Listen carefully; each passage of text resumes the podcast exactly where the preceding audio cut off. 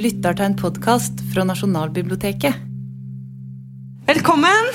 Jeg gleder meg veldig, fordi det er et veldig kompetent panel som sitter med førstehånds innsikt og informasjon, og kan da legge Gi oss kanskje noen perspektiver på eh, innvandring som eh, ofte kan gå litt tapt i, i de opphetede debattene.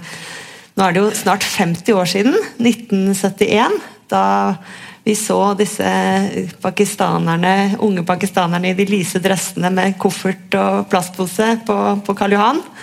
Og vi har, eh, fikk en ny regjering før helgen. Og Da kunne vi se venstrepolitiker Abid Raja komme ut på Slottsplassen oppløst i tårer. Han vokste opp i en kommunal bolig i Iladalen med foreldre fra Pakistan. Moren var analfabet, og faren jobbet på spikerfabrikk. Og Noe av det første han sa til norsk presse, var Jeg er takknemlig for at mine foreldre ble tatt imot i Norge på 70-tallet. Jeg tror ikke majoritetssamfunnet nødvendigvis vet hvor stor takknemlighet de fleste minoriteter føler. Det er en veldig lang vei fra å komme til Norge til å faktisk bli akseptert i Norge og være god nok for Norge. Jeg tenkte å begynne med deg, Arnfinn. Du har jo redigert og ja, medforfatter, kaller du deg, til denne boken 'Den kritiske fase', som, som ble påbegynt i den eh, tidlige fasen på, på 1970-tallet.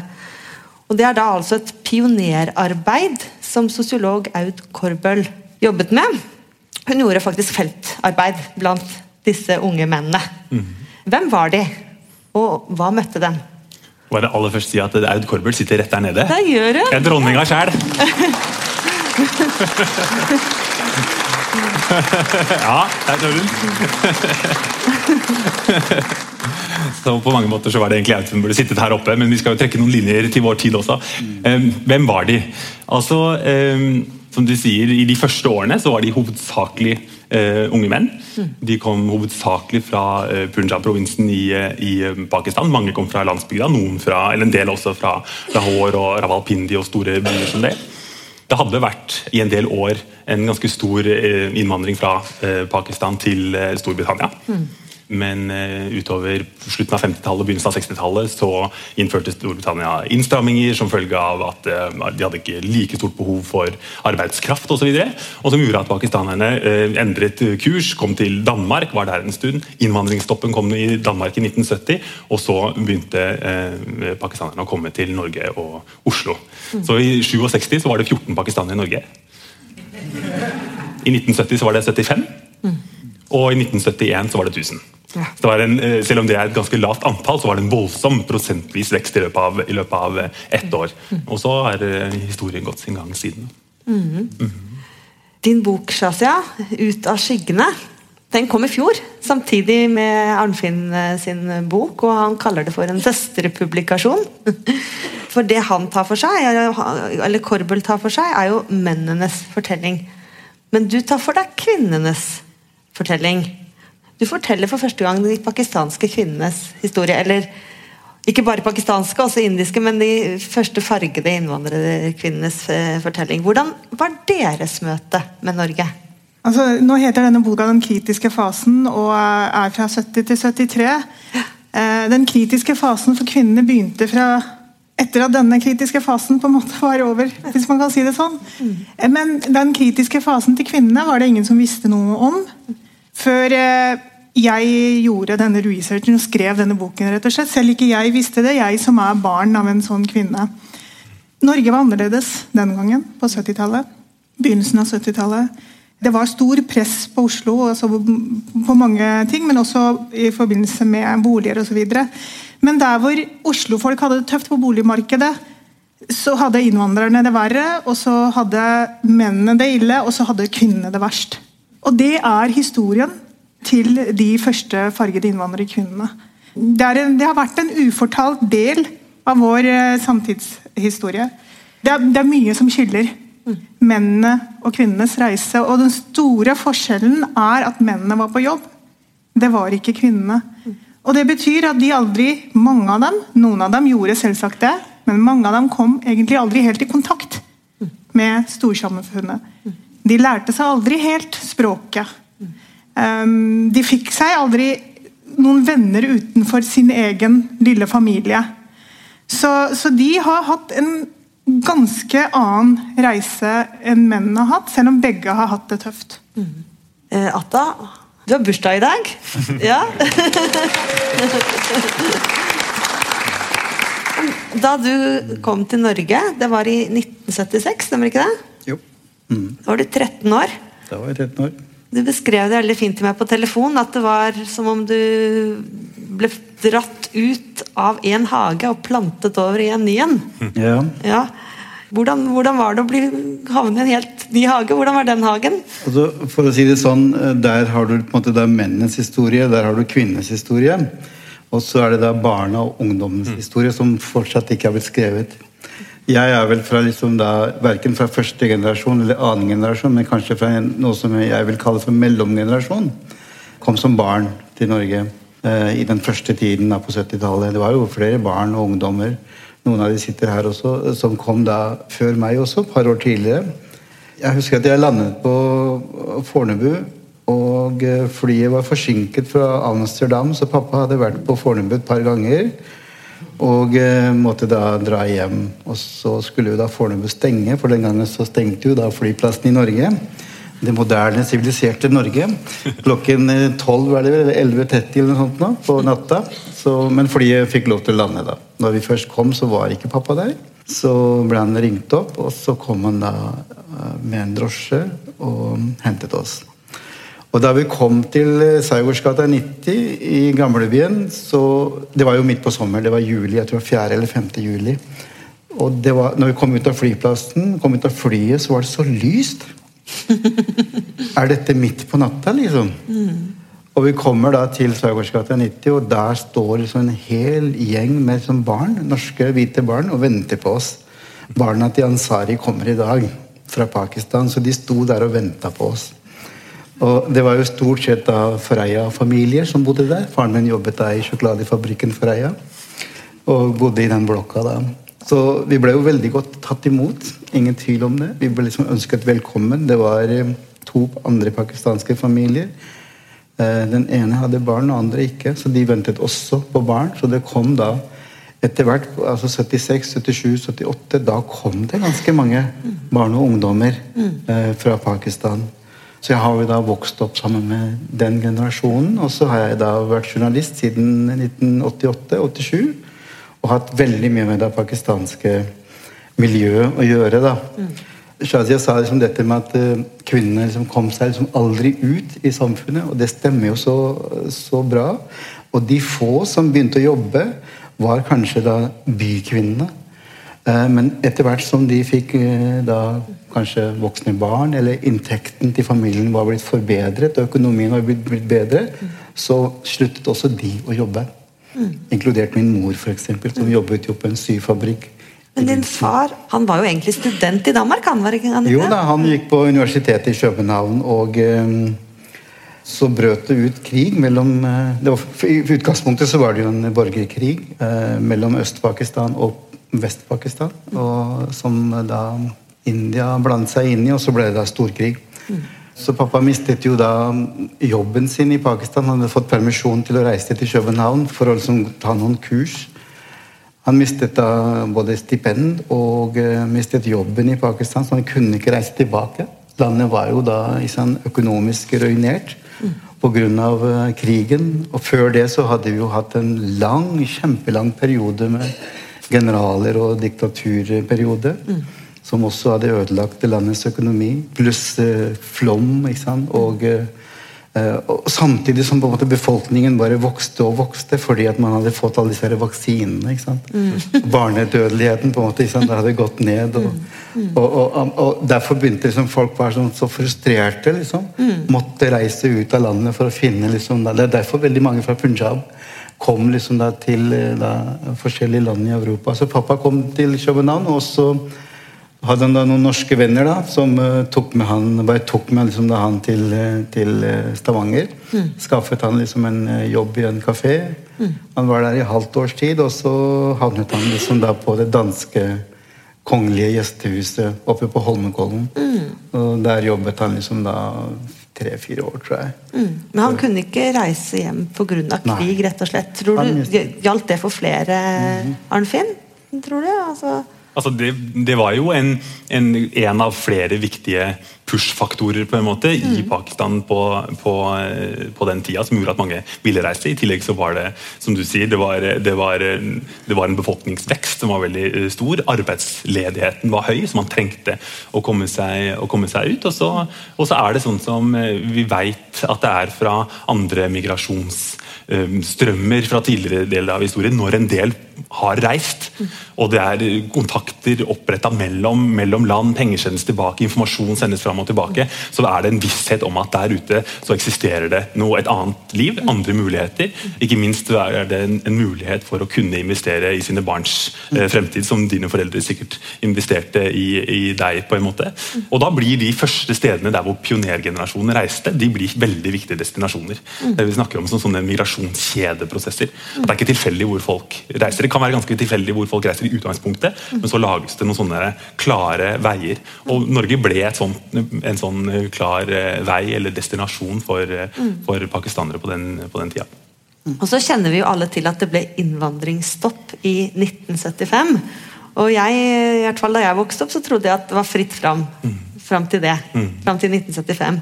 Men det stemmer ikke, Arnfinn. Eh, Nei, nei, det gjør ikke det. det var, eh, på 60-tallet så hadde eh, Norge en, en liberal, helt åpen innvandringspolitikk. Da gikk an å komme til landet, søke arbeid herfra, og hvis du fikk arbeid, så fikk du eh, oppholdstillatelse og og kunne bli.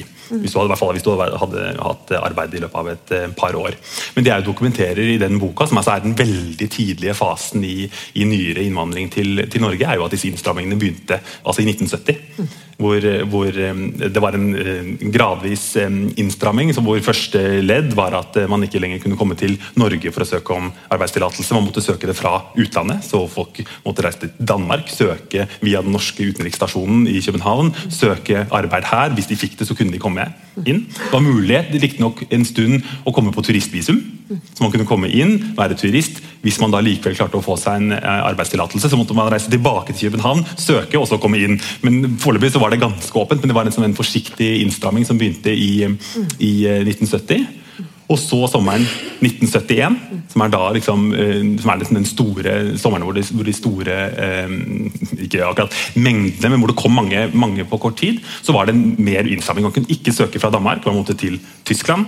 Eh, man man hadde ikke anledning til å komme inn i landet i det hele tatt. Turistvisumdelen ble innskrenka, sånn at man kunne komme inn som turist, men man fikk ikke lov til å søke om arbeid i det hele tatt. Og man fikk et ti dagers varsel når denne, dette vedtaket kom, på å eh, dokumentere for politiet at man hadde en arbeidstillatelse. Gjorde man ikke det, så ble man kastet ut hvis man var i Norge. Og det skapte en dynamikk i miljøet som gjorde at både veldig mange som var her, ble desperate etter arbeid, og veldig mange som kom som var i nabolandene, kom også til. Og det er en, en viktig forklaring også da, på at det ble en opphopning på en måte akkurat den sommeren, og ganske heftige tilstander i, i, i, eh, i Oslo. Jeg, jeg tenkte på en parallell da jeg leste det. fordi i eh, sommeren 2015, eller, og utover høsten, da vi opplevde flyktningkrise, Ja. så kom det jo veldig mange. Og da hadde jo mange en sånn følelse av at nå stenges slusene snart, så nå må vi for- forte oss mens det ennå er åpent. Eller sånn slusene, da. Det som eh, overrasket meg når jeg eh, begynte å gjøre eh, research eh, i, i min bok, var For jeg har alltid tenkt at eh, foreldrene våre treng, eh, Norge trengte dem, og derfor kom de. og Sånn var det. Men så oppdager jeg at eh, myndighetene gjorde alt de kunne for å stanse fremmedarbeidere. Og fremmedarbeidere de var mørkhudede. Det var, det var pakistanere, tyrkere, marokkanere, indere. Og og det er veldig fascinerende, fordi at vi har jo hele tida, og jeg har også tenkt det, for det er det jeg er blitt fortalt, at vi hadde en veldig liberal innvandrings...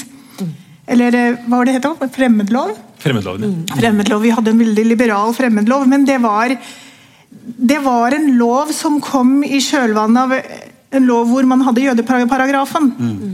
Og denne loven var en tolkningslov, og det var med vilje. Fordi at man åpnet for at den til enhver tid regjerende makt, altså myndighet, kunne legge hva de ville i den loven. Det er jo derfor man da på nesten på dagen stenger for pakistanere og indere sommeren, altså juni-juli. Når det skjer, så skjer det sånn. Og det er ikke bare det som skjer den sommeren. dette her er fordi at disse mennene sant, de har en driv. Og det kommer nye instrukser fra Justisdepartementet eller hvor de kommer fra, og de klarer å arbeide rundt det. Du må ha bolig, du må ha arbeid, og så kommer det noe nytt kanskje om to-tre uker. Så klarer du å jobbe rundt det, så kommer det nye innstramminger hele tiden. Poenget er at allerede liksom, idet pappaen min kjører inn til Oslo september 1971, mm. så sitter det da en gjeng eh, i Sørmarka og bestemmer seg for at vi ikke skal ha liberal innvandringspolitikk. Vi skal ikke ha organisert innvandring. Altså Man legger en klar retning allerede da. Og den gjengen på Sørmarka, hvem var det? Jo, det var, eh, det var, jo da arbeidsministeren, var det ikke det? Nordli? Mm. Oddvar Nordli. Og så hadde han samlet en gjeng med forskere og andre byråkrater. Og hvordan skal vi løse da det man da hadde begynt å kalle pakistanerproblemet? Mm. Atta, du hadde lyst til å kommentere? Jo, altså 1971, som du nevnte. Det som pappa har fortalt meg, var jo at da han kom fra København til eh, passkontroll i Norge, så den norske vennen lånte bort kjæresten sin til han, så at han, han kunne gå arm i arm med, med henne da, eh, gjennom passkontrollen med liksom der, sånn lav cap. Eh, han, det var jo ikke lov å komme seg inn i landet, men, eh, men så var det om å gjøre som da skaffe en eller annen sånn bekreftelse på at, at man har jobb. Mhm. Det fikk han jo selvfølgelig gjennom da kontakter og venner at han hadde en jobb. Og så var det å melde seg liksom da på politistasjonen og, og få det stempelet i passet. da. Jeg tror liksom at uh, man var vel kanskje like holdt på å si, kunstnerisk og like talentfull før som man er nå. uh, det Når det gjelder dette med å liksom finne levebrød og finne liksom da et bedre sted å, å, å, å da leve på. Mm. Men så var det jo da, altså, selv om da politikerne, den politiske eliten i Norge, da, sant, da ville stoppe dette, regulere dette, eh, så var jo da, sant, da, industrien og arbeidsgiverne de var interessert i arbeidskraften. Mm. Mm. Og de var villige til liksom, da, å fremskaffe både falske liksom, da, bevis, ansettelsesbevis, og eh, pappa kjøpte, eller han leide jo da leilighet i, i gamlebyen fordi at altså, han måtte flytte fra Holmenkollen skaffe seg egen leilighet. fordi at der oppe var det ikke lov, altså tjenesteboligen på Holmenkollen, der var det ikke lov å ha familie. Så han måtte både skifte jobb og skaffe seg leilighet. Og han fortalte da liksom at han måtte betale under bordet til liksom da eh, gårdeieren. Og han gårdeieren er en av de rikeste i Norge i dag. Uh, han er fortsatt i live, han er over 90. Uh, Hvem er det? Eh, så pappa har betalt under bordet, og han var ikke, min far var ikke den eneste. Det var veldig vanlig å betale under bordet til gårdeieren for å få liksom en leiekontrakt, både fiktive leiekontrakter og også da ordentlige ekte, fordi at du skulle ha familien hit. Mm. Og, og, og, arbeidsgivere som sa at har du en fetter? Mm. Har du liksom en bror som kan komme til Norge og jobbe for meg? For Arbeidsgiverne så at pakistanerne var så iherdig gode arbeidere. Mm. Så de ønsket jo enda flere velkomne. Det var nok av jobber. også. Så jeg vet om at det er veldig mange som har kommet hit, er jo kommet hit fordi at arbeidsgivere ville ha mm. mer arbeidskraft. Det husker jeg fra din bok også, Shazia, da jeg leste mm. den, at uh, det var mange industriarbeidsplasser i Oslo. Mm. Så mange satt med det valget skal vi gi denne skal vi prøve å få distriktsungdommen til å ta disse jobbene? Eller skal vi ta disse pakistanerne som, som byr seg fram? Ja. Mm. Altså, man hadde jo Det som er I andre vestlige land så var det jo genuint behov for, for arbeidskraft. I Norge kan man si at hvis distriktsungdommen hadde flytta til Oslo eller Stavanger, mm. så hadde ikke man hatt behov for pakistanere. Mm. Eller hvis ikke alle kvinner, unge kvinner som gifta seg, forsvant ut av arbeidslivet, så, så, hadde vi ikke trengt dem. Men når det skjedde, og man i tillegg fikk lengre skolegang og, og lørdagsfri, så var det faktisk behov for eh, Så selv om man strengt tatt egentlig ikke hadde arbeidsledighet i den forstand, så, så, når de først kom, så fikk jo de jobb. ikke sant? Og jeg husker jo, når jeg drev og så på dette her, så um, I en bok så sto det at um, Nei, det var ikke en bok, det var en annen høyreblogg. Om at var, de var arbeidsledige. De kom, og så fikk de jobb. Ja, ja, det gjorde de, men etter tre uker eller to måneder så, så var arbeid, mange arbeidsledige. Men, men, det stemmer ikke. I hvert fall når jeg har ettergått dokumentasjon da, i, i, denne fortellingen. Så det var mye arbeidsplasser innenfor hotellnæringen. Så marokkanere mange marokkanere havnet i hotellnæringen, hotellbransjen. Mm. Pakistanere havnet i industrien, fabrikker. Tyrkere havnet i bygg og anlegg. Og det er jo gjerne sånn at du har en eller annen Pappa var innenfor industri, så alle kompisene var, kom etter og, og, og, jobbet innenfor industrien. da. Men Arnfinn, tittelen på den boka, 'Den mm. kritiske fase', som vi også har lånt eh, tittel til i dag, hva, hva er den kritiske fase? Ja, Den, den eh, tittelen har flere betydninger i, i Aud sin, sin, bok. På den ene sida handler det om at eh, selv om antallet fortsatt var var lavt, i hvert fall med dagens øyne, så var, det, var Norge en brytningstid. Det var, en, det var på en måte et, et, nytt samfunn i emning, og man forsøkte å finne måter å håndtere det på. Så det var på en eller annen måte en slags kritisk fase for myndighetene, men også en, en, eh, for å håndtere det på en, på måte som var eh, legitim og bærekraftig, vil jeg tro.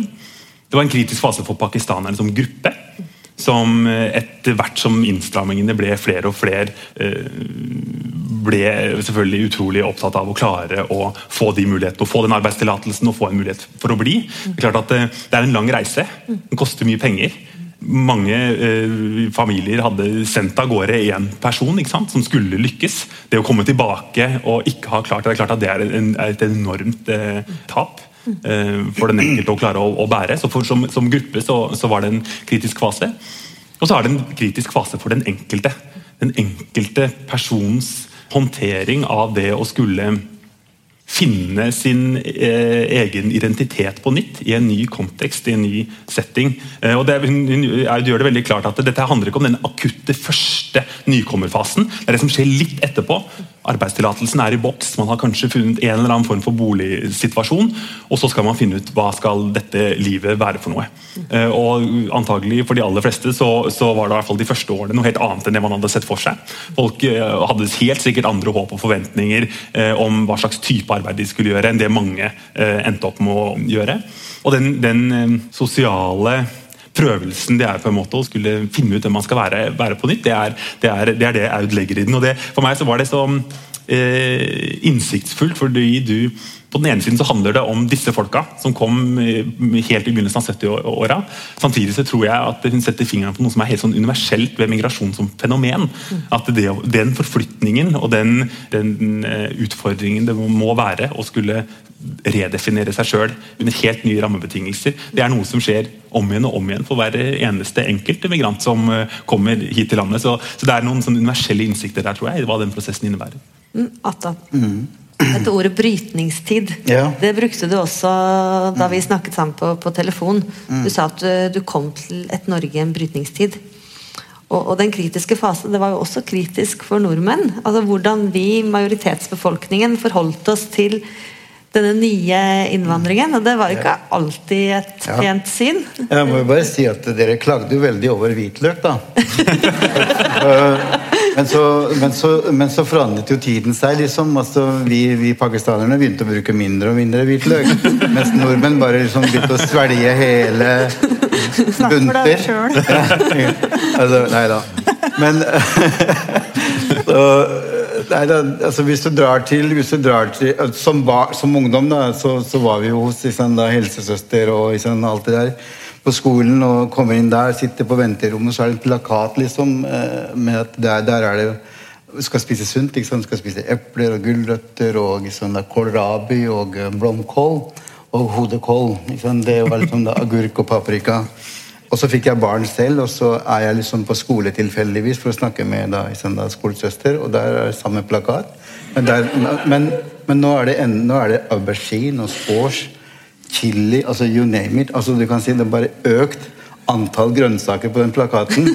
Han bare økt. Jeg, for, jeg, forteller, jeg, jeg ser på dette som en bilde liksom da, av den utviklingen og den måte, da, forandringen som Norge har opplevd. Uh, veldig mange kanskje har bare, bare levd seg inn i det. liksom da Ikke reflektert så mye over det, mm. men heller tenkt veldig mye på de politiske og de der, liksom, da, mediestyrte debattene. eh, som handler om på en liksom, hvor mange innvandrere og deres kultur og alt det der. Men jeg tror de menneskelige aspektene og det som på en måte innvandringen har brakt i Norge, det ofte glemmes. da.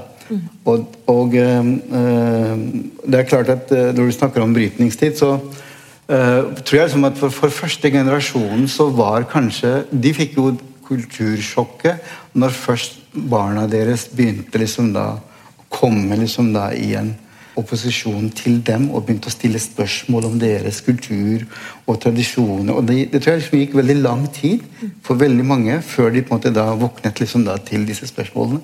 Første generasjonen da. Mens vi som var liksom da mellomgenerasjonen, som vokste opp her, som kom som barn, vi havnet jo midt oppi denne konflikten fra dag én. På Gamlebyen skole, der jeg startet, der var det jeg husker ikke om det var 150 eller 200 eller 250 pakistanere. Og ikke så veldig mange etnisk norske. fordi at denne skolen ble valgt eh, for innføringsklasser. Eh, og det var rett etter innvandringsstoppen. Så veldig mange av de som gikk der, var egentlig ikke under 16 år. De var faktisk langt over 18-19-20 år. Da var det sånn at, at det var bare barna som fikk Ja. komme etter Ja, innvandringsstopp? For sånn etter innvandringsstoppen så var det liksom sånn at eh, du måtte være under 18 år for å kunne komme inn i Norge. Så det var mange 18-åringer med bart? Ja, mange, mange, mange 15-åringer med bart, vil jeg si. Og jeg var kanskje da en av de få og, eh, Som faktisk som var- faktisk var under 15 år. Eh, og det var, det var jo konflikter mellom de norske og de pakistanske. Det var slåsskamper. Fritidsklubben på Gamlebyen den var liksom på en måte forbeholdt liksom da bare de hvite norske. Eh, Pakistanerne var ikke mulig altså, å få innpass der. Og eh, det ble skrevet om det eh, etter hvert i Aftenposten. Jeg tror jeg ble avbildet av Aftenposten allerede i 1977. Det kan godt stemme. Da har jeg sikkert sett det bildet. Ja, for du har gått gjennom veldig mange altså, jeg, Du har brukt et, veldig fint ord, som jeg tror du har fra Hanne Skartveit, men altså at avisene er historiens kladdebøker. Eh, og der har du, i den kladde, de kladdebøkene har du funnet mye dokumentasjon på reinspikka rasisme. Altså det som har Hele arbeidet med denne boken har vært bare en serie med overraskelser. Man kan lett sitte nå i etterpåklokskap og si ja, men vi skulle gjort sånn, det skulle vært sånn, det skulle vært sånn. Men jeg innså når jeg jobbet med dette her, at det var en annen tid, pluss at jeg ikke visste noen ting. Selv om jeg liksom er barn av innvandrere, så, så har jeg bare blitt forundret over min egen uvitenhet, rett og slett, og naiv- naivitet. fordi at det jeg oppdaget eh, i denne kladdeboka, var jo hvordan privatpersoner, etniske nordmenn med boliger, utnytta fedrene våre på det groveste i Oslo. Det var artikkel på artikkel på artikkel om det. Om at de måtte betale tolvgangeren husleie og bodde i rønner og skur. Det var én ting. Det andre var utnyttelse på arbeidsmarkedet forferdelige historier om hvordan de, ble bundet til kontrakter, altså typ slavekontrakter, hvordan de bodde, fordi at de var helt prisgitt arbeidsgiveren sin. Fordi han sto for boligen. Og Da kunne han innlosjere 13 stykker på ett rom. Det, men det som overrasket meg mest, var rasismen. Og, og jeg er eh, Jeg gikk på skole på slutten av 80-tallet og, og 90-tallet, så, så jeg husker jo pakkis. Vi er jo vokst opp med det, lukter hvitløk og Jeg husker jo det. Men jeg visste ikke at det var bombeangrep mot bygårder hvor innvandrere bodde. At det var ildspåsettelser. At det som er kommentarfeltet i dag, det var Oslo sentrums vegger. Og, og nazismen var, var høyst til stede med nazister som ga ut flyers med de verste ikke sant? Det var, Jeg har et bilde jeg pleier å vise frem på foredragene mine, hvor, hvor det står, hvor det er en sånn der, um, prislapp på hodene til en pakistaner, en neger altså det, var, det er de mest horrible tingene. og det når jeg, når jeg gikk gjennom det, så husker jeg at jeg måtte bare ta meg en tur ut av lesesalen, for det ble for mye. Jeg synes eh, det, det ble overveldende. Og dette var jeg ikke klar over. Og hvorfor var jeg ikke det? Hvorfor har ikke jeg lest det noen steder? Alle husker jo Benjamin-drapet, som er 19 år siden nå for noen dager siden. Men du fortalte meg en, eh, om et eh, drap på telefonen som jeg var ikke kjente til i det hele tatt, og som sikkert mange her også ikke kjenner til. Jo, altså Mange har sikkert hørt om det, men eh, det går jo, ting går jo i glemmeboken. Veldig mange pakistanere sant, skal, kjøpte jo kiosker Småbutikker, dagligvarebutikker. Og det er jo, sant, Migranter tenker jo i flokk. Der er det landet som på det er mulig å få jobb. Det er liksom jobben som vi kan gjøre og tjene penger på. Og veldig mange butikker ble jo liksom da eh, satt fyr på og tent på og ble utsatt for liksom regelrett hærverk. De kunne komme liksom i åpningstid med balltre. Opplevde Min far opplevde det på Ensjø. I hans butikk så kom det liksom fire-fem eh, menn med balltre liksom sånne kødder og rev ned hele butikken. Og jævla pakkiser, gå hjem, liksom. Du skal ikke være her. Men uh, den første pakistanske gutten som jeg ble kjent med på gamlebyen, han het Nawaz. Uh, han var jo et par år eldre enn meg. Han var kanskje en av de yngste altså, i, i, gruppen vår. Så jeg, jeg, gikk jo i klassen med han uh, i halvt år. Han var den aller første jeg ble kjent med av pakistanske. og i 1988, så, eller 89 så ble han jo da drept. krysset Kallians gate, Universitetsgate, sammen med sin venn Nawaz og Ali. Og Det var en mann fra Polen som drepte dem med kniv, med mange knivstikk. Ikke bare én eller to. Det var et forferdelig grusomt drap. Og alle som sto rundt og så på, de ropte 'drep Pakistan'. Det har blitt gjengitt i mediene og avisene. Så, så Benjamin-drapet er ikke det første rasistiske drapet i Norge. Og eh, det var horrible forhold. Jeg husker også en annen hendelse fra Gamlebyen skole. Det var en eh, norsk gutt som da alltid pleide å spytte i bakken og si 'pakkis' når han gikk forbi oss. Og vi som gikk på skolen, vi, vi tålte jo han. Vi visste jo at han var sånn. Og vi bare overså han liksom. Men eh, den ene dagen så var det en annen gutt fra en annen skole som var på besøk eh, i Store Fri. Og han gjorde det samme. Og når den pakistanske gutten reagerte, Eh, og sa et eller annet til ham, så, så, reagerte han tilbake med å spytte i ansiktet på ham. Så startet de slåsskampen. Så løper de etter hverandre opp trappa. ikke sant? Og den norske gutten blir jo banket opp liksom, da, til han blør massivt. liksom. Og det blir en politisak, og rektor kommer liksom da inn i alle klassene og spør hva har skjedd, og hvordan skjedde dette. Og jeg forteller jo da i klassen og forteller at det var sånn og sånn det skjedde. Og det likte jo ikke liksom da de norske guttene, fordi at de ville jo legge all skylda på pakistene. Altså, det er jo forferdelig dumt av den pakistanske gutten å slå noen liksom der til blods. Selvfølgelig er det det, men det var, det var heller ikke noe pent gjort av han å, spytte i ansiktet på noen. Jeg, jeg, prøvde å fortelle hva som jeg hadde sett, og hva jeg hadde opplevd og hørt og sett. alt det der. Så ble jeg da omringet og stoppet i undergangen, togundergangen i gamlebyen mellom Sveigårdsgata og Gamlebyen skole. Fra begge sider så ble jeg da stoppet og banket opp liksom da under der. Mm. Fordi at jeg hadde snakket mm. mot da de norske. Så, sånn var liksom situasjonen den gangen. Mm. Du Shazia, du har en, en, erfaring som er det andre ytterpunktet igjen også. tenkte jeg på, på noen som, møtes, som møtte din familie. Jeg tenker på hun fra Mosjøen, som ble veldig viktig for din mor. Fra Mo i Rana? Mo i Rana var det, ja. Ja. ja. Når jeg har holdt foredrag og blitt ferdig, så har det vært, eh, alltid vært en eller to eller mange fortvilte kvinner som har stått opp og sagt ja, men fordi at kvinner har en veldig sterk historie. Eh, for de kommer alltid dårlig ut, i, i, også i en sånn krisesituasjon som migrasjon er. ikke sant? Og så sier Hva kan vi gjøre for de nye som kommer hver dag? Mm. Og Da forteller jeg om Rita fra Mo i Rana. Mamona, storesøstera mi, ble Mamma kom eh, til eh, Oslo i januar 1973, en av de første. og Det som var spesielt med henne, var jo at hun selv var en fremmedarbeider, mens de fleste damene kom her på familiegjenforening. Og Så får hun da Mamona oktober 1973.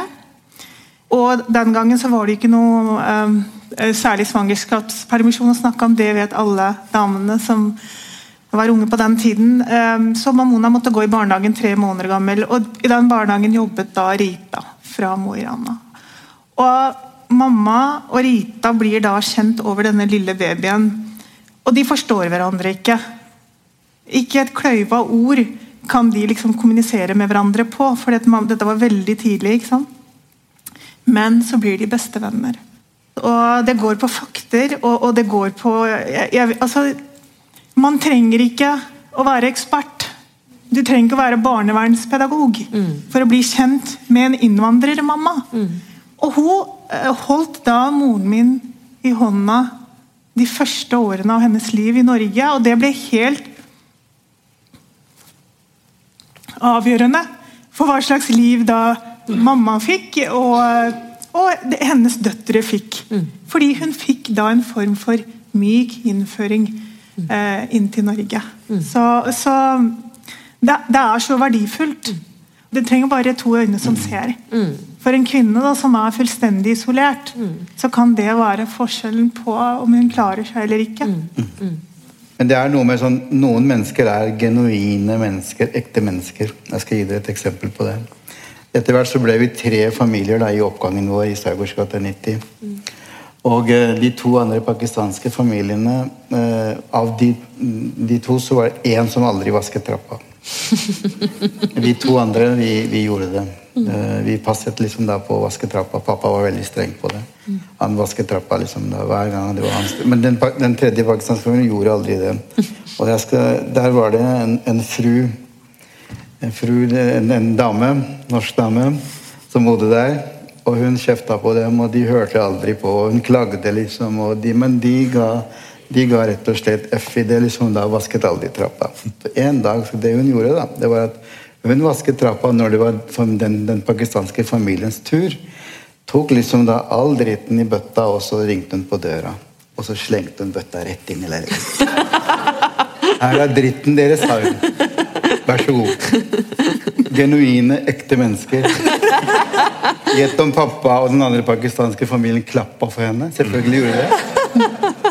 Jeg mener, jeg mener mennesker, genuine, ekte mennesker. Mm. Mennesker som er fulle av kjærlighet, som på en måte er prinsippfaste. Mm. Ikke sant? Samtidig da, være glad i mennesker. Men den gangen så tror jeg faktisk det var litt lov å være litt streng. Altså. Fordi at eh, Sånn som Rita, da, hun kunne være Fordi at mamma var jo mutters alene her. Ingen familie, ingenting. ikke sant?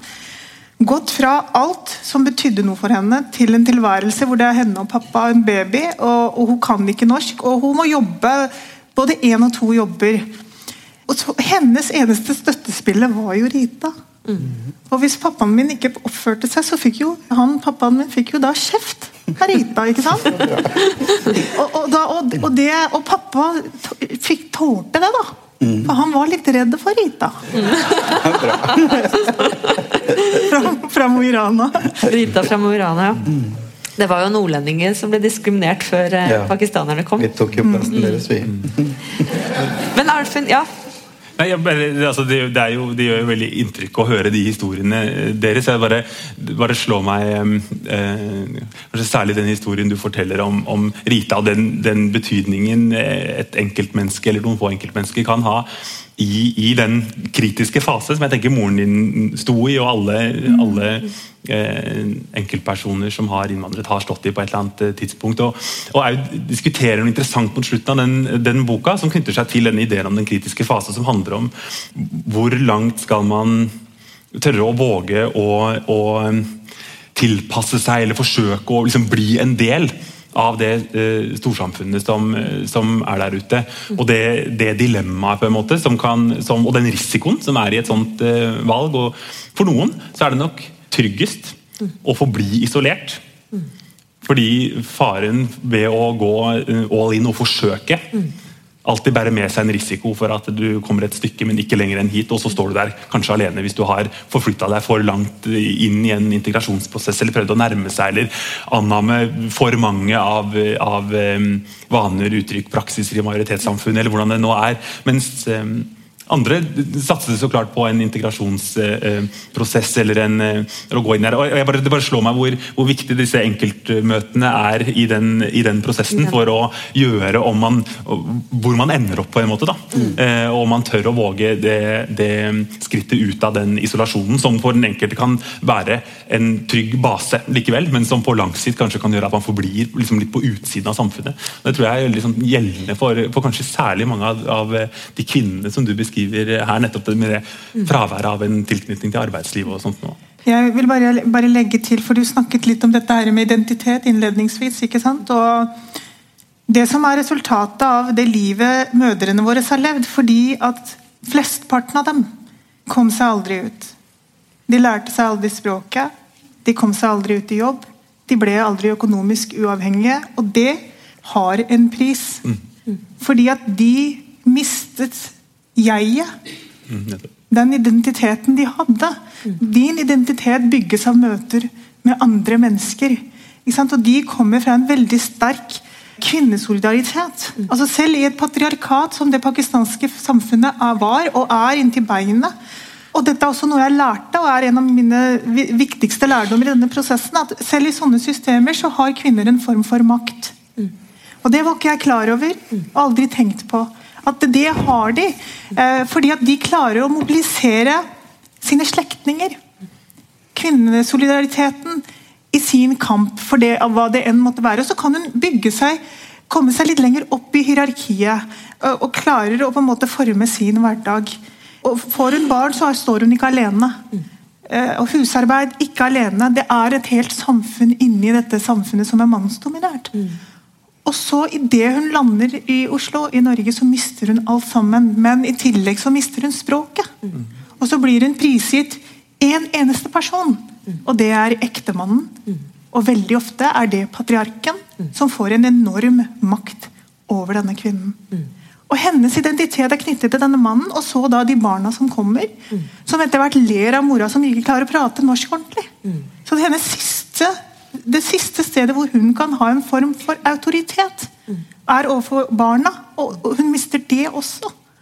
Og den prisen de kvinnene betaler i dag, er jo at helsa deres har svikta. Jeg husker ikke eksakt tall, men det er mye mye større forekomst av muskel-skjelettsmerter. Som jo også er en sånn derre syndrom. Enda et slag de får da, i sin alderdom. Så de får ikke noe hyggelig alderdom heller, denne gruppen med kvinner. Men det, dette med helse, eh, altså, altså helse, slitasje på helsen, det gjelder jo menn også. Menn også. Uh, man jobbet jo liksom der 16 timer, sånn 17 timer, 15 timer per dag. Åtte timer fikk man betalt for på papirer, og resten var svart. Så dette med svartarbeid er ikke noe som pakistanerne har tatt med seg til Norge. Det er noe, noe nordmenn har lært oss. Det var en kafé i Dælingata som het City Café. Eh, Dælingata er der hvor Oslo Taxisentralen ligger. ikke sant? Eh, på City Café så pleide liksom da alle norske drosjeeiere sitte der og drikke øl hele dagen med de store ølmagene. Og pakistanerne kjørte drosje for dem. Og pakistanerne kom med bunker av penger og la på bordet. Og så fikk de liksom da halvparten av bunken, og så tok de liksom resten i lomma si. Drosjeeierne de eide hytter, de eide båter, de eide hus. ikke sant? De hadde lange ferier liksom i Spania og Kanariøyene og Thailand. Og pakistanerne sleit og sleit og sleit. Eh, og lærte liksom da dette med svart arbeid. Eh, og det reflekterer jo da i nyere tid med at da veldig mange pakistanere til slutt liksom blir tatt i drosje i sånn.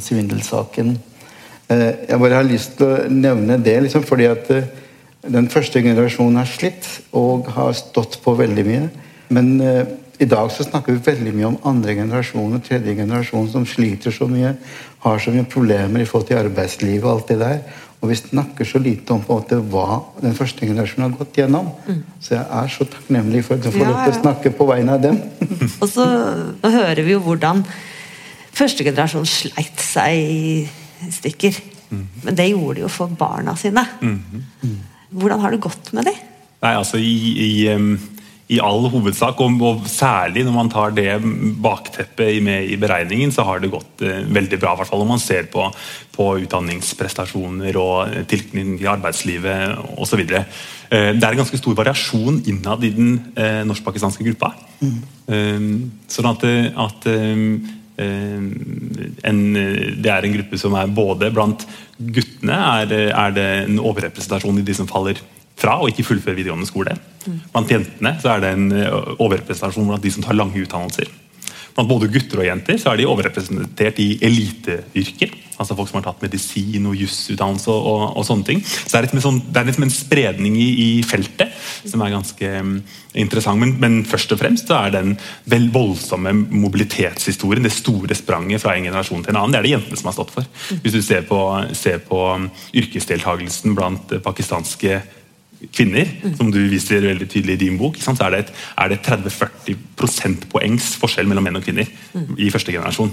I andre generasjon så er det gapet lukka på én generasjon. og Det er en enorm eh, utvikling over én generasjon som, som, som, rett og slett er, er, veldig veldig imponerende, og som er en del av, av de norsk-pakistanske jentenes frigjøringsprosess, selvfølgelig. Mm. Veldig mange kvinner jobbet også. Eh, men de jobbet da fordi at mannen hadde en jobb, f.eks. vaskejobb. Skulle vaske en barnehage eller en skole eller på et lokale. Ja, da ble kona med. Men lønna gikk til mannen. Husk på det. Mange pakistanske kvinner har vært ute i arbeidslivet og jobbet svart. Du var jo også med på jobb, Shazia? Ja. ja da. Jeg og søstera mi vi var med på jobb. På vaskejobben til mamma og pappa flere, flere ganger. Mange, mange, kvinner jobbet gratis. men mm budskapet i denne på en måte historien og det at vi sitter her og snakker i dag om eh, den kritiske fasen og hvor vi står i dag, er Det som var viktig for meg når jeg skrev boka mi, var egentlig hvordan kan du vite om et løp er godt eh, eller dårlig hvis du ikke vet hvor løpet startet. Og dette er hvor løpet startet. Så når pakistanske jenter, og også for så vidt gutter, gjør det så bra som de gjør det, og samtidig så sies det at integreringen har gått til helvete. Så sier jeg at uh, det er snarere tvert imot. Se hvor mødrene våre og fedrene våre startet. Vi har kommet fryktelig langt i dag. Og, og jeg, I boka mi så kaller jeg dette her med utdanningsløpet som for et kvantesprang. Og ikke bare det at vi har nærmest sluttet å gifte oss med fetter og kusiner, som er supert. At, at vi får få barn, og at, at, kvinnene jobber. Altså Min generasjon kvinner jobber omtrent like mye som etnisk norske kvinner. Vi er ikke helt der, men det er ikke mye om å gjøre. Og Poenget med boka mi var at det er en drivkraft som står bak dette her. Det er den indre drivkraften mm. som min generasjon har hatt. Men bak oss har mora vår stått. Det er hun som har pushet oss og sagt eller det er sånn som Moren min sa til meg, det er det første jeg husker at hun sa til meg noen gang, det var 'Jeg vil at du skal bli noe'. Mm. Og det tror jeg vi har blitt. Mm. Jeg tror altså, altså Etterpåklokskapen er jo selvfølgelig den mest eksakte vitenskapen. Uh, altså Når man sier at integreringen i Norge har liksom vært feilslått, og sånn, tenker jeg ok. Hvilke rollemodeller hadde liksom Norge den gangen? England, som hadde opplevd en del innvandring pga. Kolonimakten og at de hersket over store deler av verden. De hadde hatt innvandringerfaring. Tyskland begynte å importere arbeidskraft for å liksom jobbe i fabrikkene sine. Og Tyskland ga jo liksom alle rettigheter til innvandrerne. England gjorde det samme. Og så var det USA som var der smeltedigel som nummer én, i hvert fall i moderne tid. Eh, så hvem skulle på en måte Norge følge da? Skulle de følge liksom Cuba? Skulle de ha fulgt liksom Sovjetunionen på den tiden? Det var jo de landene man kunne følge, og Norge gjorde jo det. Fulgte jo liksom på en åpen, demokratisk måte, sånn innvandring- og integreringspolitikk som på en måte da bygget på sånn likestilling og likhet og like rettigheter. Hva annet skulle man gjøre? Og så sier man at integrering har feilet. Altså, hvordan da? Når man ser, altså, Er det noen andre land i verden som har klart å da altså Utdanningsløpet for innvandrerne og arbeidssysselsettingsprosenten for innvandrerne den er jo så høy liksom, som det går an å bli. liksom. Altså, man kan jo aldri bli perfekt, så jeg er fullstendig uenig med de som sier at, uh, at integrering og innvandringspolitikken i Norge har feilet. Mm. Da, må man, da, må man, dele det i tidsepoker, tror jeg. Mm. Og se det litt sånn atskilt liksom fra tidsepoke til tidsepoke. Og ikke liksom, ta alt sammen under ett. Det tror jeg blir feil. Mm. Arnfinn, det, du skal få det siste ordet. ja, nei, jeg vil bare Til det så tror jeg det er et, er et, er et veldig viktig poeng, og som er en, egentlig en gammel innsikt fra, fra, fra migrasjonssosiologiens barndom fra USA. som mhm. den gangen. Og, og, det er nettopp at disse prosessene tar lang tid. Det går over generasjoner før man kan se om en type prosess har lyktes eller feilet. Men, eh, men eh, i politikkens verden så har man behov for å løse disse tingene mye raskere. Det er en utålmodighet i, i hele feltet. Og selvfølgelig er det en pågående, kontinuerlig innvandring som gjør at de kortsiktige integrasjonsproblemstillingene hele tiden er akutte for nye, nye grupper. Sånn det, men, men, jeg tror hvis vi, skal, hvis vi skal gjøre opp regnskap for hvordan integreringen har gått, så er vi nødt til å gå tilbake egentlig til disse første til pakistanerne, til inderne, til marokkanerne og tyrkerne som kom på 70-tallet, og se hvordan har det gått over generasjoner med barna og barnebarna etter hvert. og Det er der vi ser, ser hvordan disse prosessene utfolder seg i, i historiens løp. Så det er altså først nå hvor vi har kunnskapsgrunnlaget, nå som det snart er 50 år siden, eh, et halvt hundreår. Man kan begynne å forske på etterkommeren også. Mm. Eh, og mellomgenerasjonen. Og mellomgenerasjonen. eh, vi, vi, jeg innledet med å si at jeg syns det er en stor ære å ha dere som har sånn førstehåndsinnsikt til den kritiske fasen. Eh, det er kanskje noen perspektiver som har kommet fram her som ikke kommer så mye fram ellers. Nå, når historien skal skrives, og det refereres til historien. Ashasi, har du lyst til å si noe? Mener du at det er noe som ikke kommer ordentlig fram, eller eh, Nei, altså vi har vært igjennom det meste. Det, det, vi ikke har snakket om, er jo selvfølgelig Jeg skriver jo en del om hvite feminister sviktet og den biten der. og Jeg har gått opp den løypa og fått mange overraskelser mm. på hvordan dette her utspilte seg på, på slutten av 70-tallet og begynnelsen av 80-tallet. Og, og, så er jeg veldig opptatt av at vi må bli kvitt denne her offer det offerbildet av innvandrerkvinner. Mm. Fordi at Her har du hatt en gjeng med mødre, mange av dem analfabete, som da har produsert denne generasjonen. Mm. Ikke sant?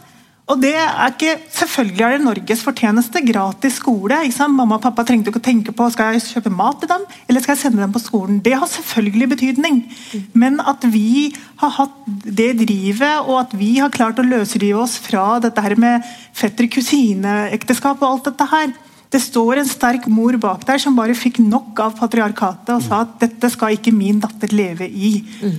Så patriarkatet er høyst til stede, men vi jobber med saken. det.